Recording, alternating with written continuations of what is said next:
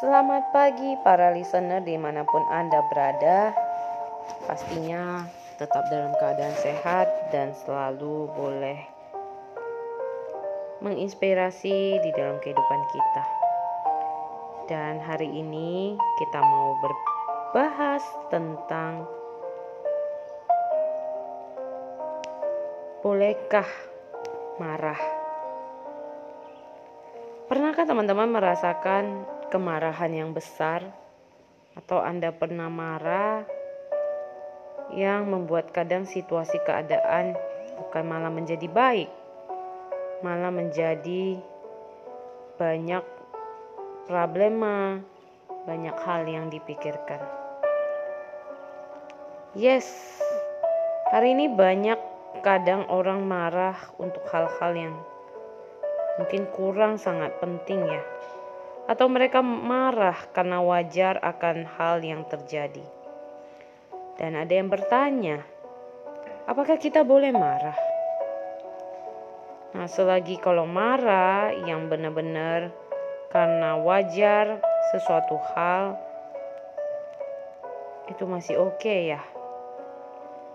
Dibanding teman-teman marah tapi yang menyebabkan situasi keadaan Anda melampiaskan hal-hal yang negatif yang tidak baik, yang sekalipun mungkin mengganggu pikiran, mengganggu psikis Anda, mengganggu atau membuat orang lain juga harus terlibat di dalam kemarahan itu. Di sini belajar teman-teman bahwa bukan soal boleh atau tidaknya, tapi bagaimana kita bisa menghandle atau mengkontrol diri kita untuk kita tidak mudah marah karena situasi yang kadang mungkin tidak pasti, situasi yang masih